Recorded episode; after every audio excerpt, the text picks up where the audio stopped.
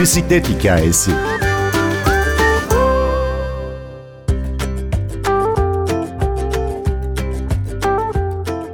İki kurbanın peşine takılıp pedallayarak Tayland'a kadar gideceğiz. Kim götürecek bizi Tayland'a? Takipçilerinin Frogs on Wheels ya da pedallayan kurbağalar olarak bildiği Gökben ve Nikola.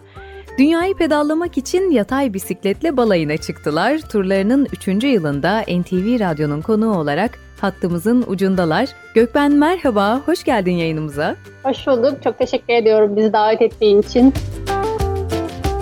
Siz nasıl pedallayan kurbağalara dönüştünüz? Bu ismini nasıl aldınız? Ve yıllarca sürecek balayı kulağa harika geliyor. Bu fikir nasıl ortaya çıktı? Aslında İngilizce ismimiz Frogs on Wheels. İngilizce seçmemizin nedeni ortak dilimiz İngilizce. İngilizce anlaşıyoruz. Teker üstündeki kurbağalar demek. Fransız Nico, Fransızlara tüm dünya çapında kurbağa deniyor. Kurbağa bacağı yedikleri için. Benim de takma ismim üniversiteden beri Kermit'ti kocaman gözlerim olduğu için. ikimiz de kurbağayız yani bir şekilde. Biz ikimiz de Ankara'da çalışıyorduk. Eşim Niko bir Fransız firmasında çalışıyordu. Ankara'da tanıştık. Daha sonra beraber gezmeye başladık çevre ülkeleri. Fark ettik ki bunu istiyoruz. Daha uzun süreli istiyoruz. Yapamadığımız zamanlarda da evimizde yabancı turistleri ağırlıyorduk. Bunlardan bir çift bisikletle dünya seyahati yapıyordu. Biz de bisikletle Adana'ya kadar gittik. Bir 400-500 kilometre. Baktık gerçekten kendi ülkemi yeniden keşfediyorum. Gitmiştim arabayla ama bisikletle çok farklı. O hissiyatı anladıktan sonra tamam bisikletle dünya turuna çıkıyoruz dedik. Ama bizim bisikletlerimiz farklı diğer bisikletlerden. Oraya nasıl vardık? Normal bisikletle pedallarken bazı ağrılar hissettim vücudumda. Bunun araştırmasını yaparken yatay bisiklet diye bir şeyin var olduğunu keşfettik. Ve 3 günlük bir denemeden sonra kesinlikle yatay bisiklet olmalı dedik. Yatay bisikleti birazcık gözümüzde canlandırmamızı sağlar mısın? Güvenlik ya da konfor açısından diğer bisikletle nasıl kıyaslanıyor? Yatay bisiklet genel bir tanımlama aslında. Üç tekerlekli olanı da var ama bizimkisi iki tekerlekli. Normal bir koltuğa oturduğunuzu hayal edin. Ayaklarınızı da sehpaya uzatıyorsunuz. Aynen o şekilde sürüyoruz. Yani gayet rahat bir pozisyonda. E, mümkün olsa televizyon bile izlersiniz yani o derece rahat bir pozisyon. Güvenlik açısından şöyle bir avantajı var. İnsanlara çok garip geliyor bu bisiklet. Mesela yanımızdan bir araba geçerken normal bisikletin yanından geçtiğinden daha uzaklaşıyor. Çünkü ne olduğumuzu anlamıyor. Ve uzaklaşarak geçince daha net görebiliyor, detayları alabiliyor. En önemli avantajı şu, mesela diğer bisikletlere göre çok daha fazla iletişimde olabiliyoruz yerel insanlarla. Çünkü yerel insanlar hep merak ediyorlar. Gel oturmak istiyorlar, nasıl olduğunu yakından görmek istiyorlar. O sayede bir muhabbet doğuyor. Zaten bizim de istediğimiz bu dünya turu yaparken yerel insanlarla daha iç içe olabilmek. O yüzden bisikleti bir de böyle iletişim aracı olarak kullanıyoruz ulaşım aracının haricinde. Şu an Tayland'dasınız. Fransa'dan yola çıkıp oraya kadar gittiniz. Dağları tepeleri aştınız, Asya'yı aştınız, Çin'de konakladınız.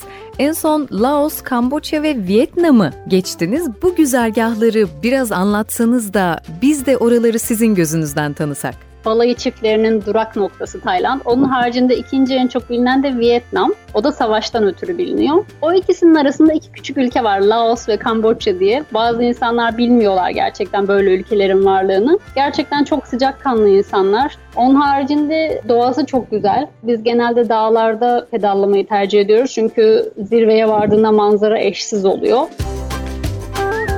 Neler yiyorsunuz orada? Biz gidersek neler yiyebiliriz? Kesinlikle aç kalmazsınız. Hani et yemeyenlere yönelik şeyler de var. Çok değişik bitkiler ve meyveler var. Özellikle meyveler hayatımda duymadığım şeylerle karşılaşıyorum. Bizim turumuzun en önemli kurallarından bir tanesi de asla hayır deme. O yüzden deniyoruz. Her gördüğümüzü bir deniyoruz. Genelde de çok güzel tatlarla karşılaşıyoruz.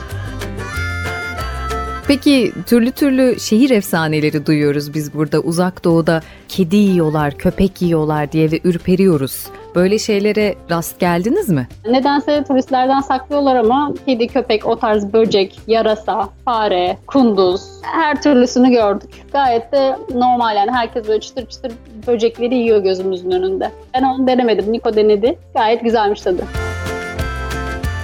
Batı'yla Doğu'yu kıyasladığınızda misafirperverlik değişiyordur, insanların gezginlere bakış açısı değişiyordur. Ne gibi farklı olaylarla karşılaştınız? Fransa'dan başladık yola ve Avrupa'da genelde birisinin bahçesinde kamp yapmak için izin istediğimizde bizden korkuyorlardı. Ama Balkanlardan itibaren bu Osmanlı kültürünün, Müslüman kültürünün vakti zamanında bir deyip geçmiş olduğu yerlerden itibaren değişimi hissettik. Çin'e gelene kadar mükemmel bir hoşgörü vardı. Özbekistan'da hiç çadır kurmadık. Sürekli birileri tarafından evlerine davet edildik, yemeğe davet edildik.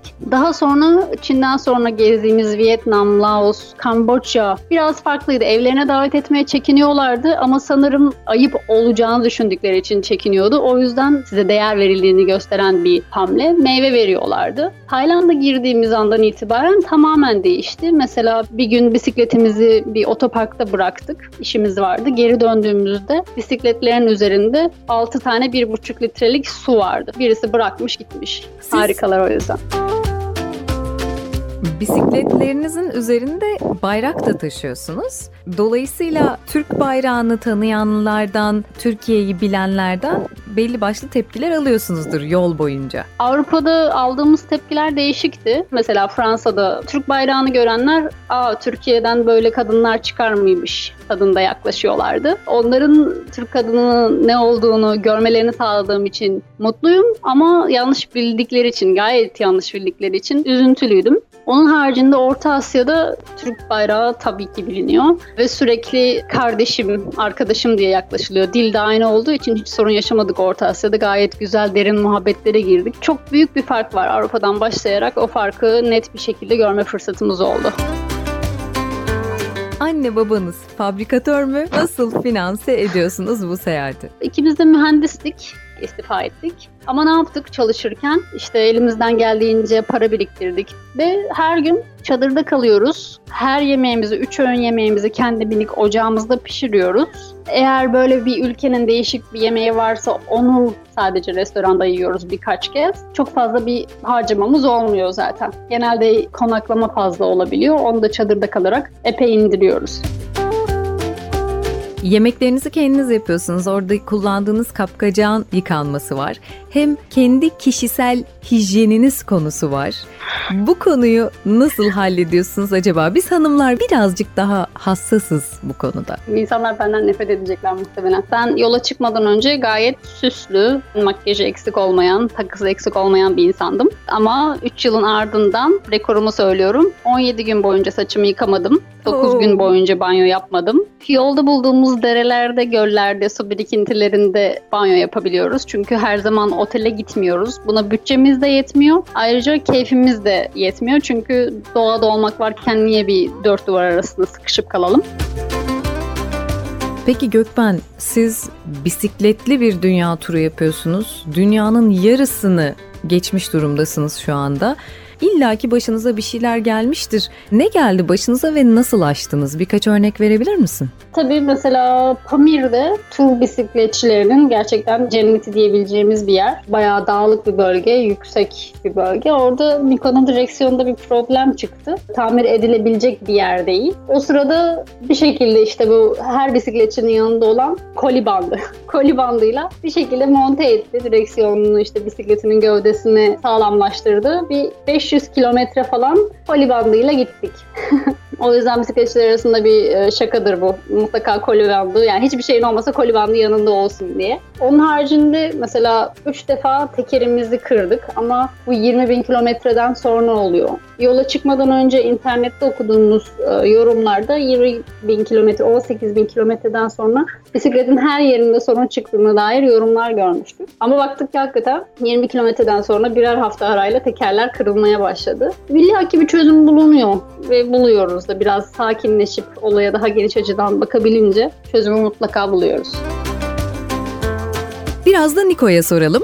Niko nasıl gidiyor yolculuk? Bundan sonrası için planınız nasıl? Yolculuğumuz iyi gidiyor. Her şey yolunda. Tayland'dan güneye ineceğiz. Malezya, Singapur, Endonezya. Oradan botla Yeni Kaledonya'ya ve Yeni Zelanda'ya geçeceğiz. Ee, Sonra Amerika'nın en kuzeyinden e, Alaska'dan başlayıp en güneyindeki Ushuaia'ya ineceğiz. Penguenlere selam vereceğiz. Sonrası Allah kerim. Şimdilik planımız böyle ama her gün plan değiştiriyoruz. Arkadaşlar bisikletli gezgin adaylarına ne söylemek istersiniz? Yapamayacağımı düşünüyordum ilk başta. Çünkü hiç bisikletim olmadı. Yani en son bisikletim 5. 5 yaşındaki bisikletim. Turdan daha önce bisiklete binmişliğim yok. O yüzden yapamayacağımı düşünüyordum.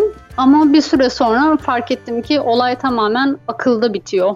Eğer inanıyorsan yapabileceğine, inanıyorsan 4600 metre yüksekliğe bisikletle tırmanabileceğine bir bakıyorsun oradasın. O yüzden tamamen inanmalarını öneriyorum. İnanmak olayın yarısı. Yarısı çok kolayca geliyor. Herkesin yola düşmesi ümidiyle bir gün.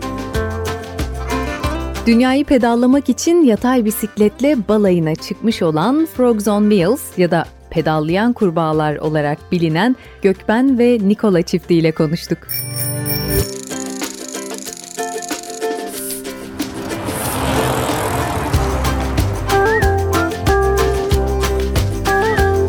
Bir bisiklet hikayesi.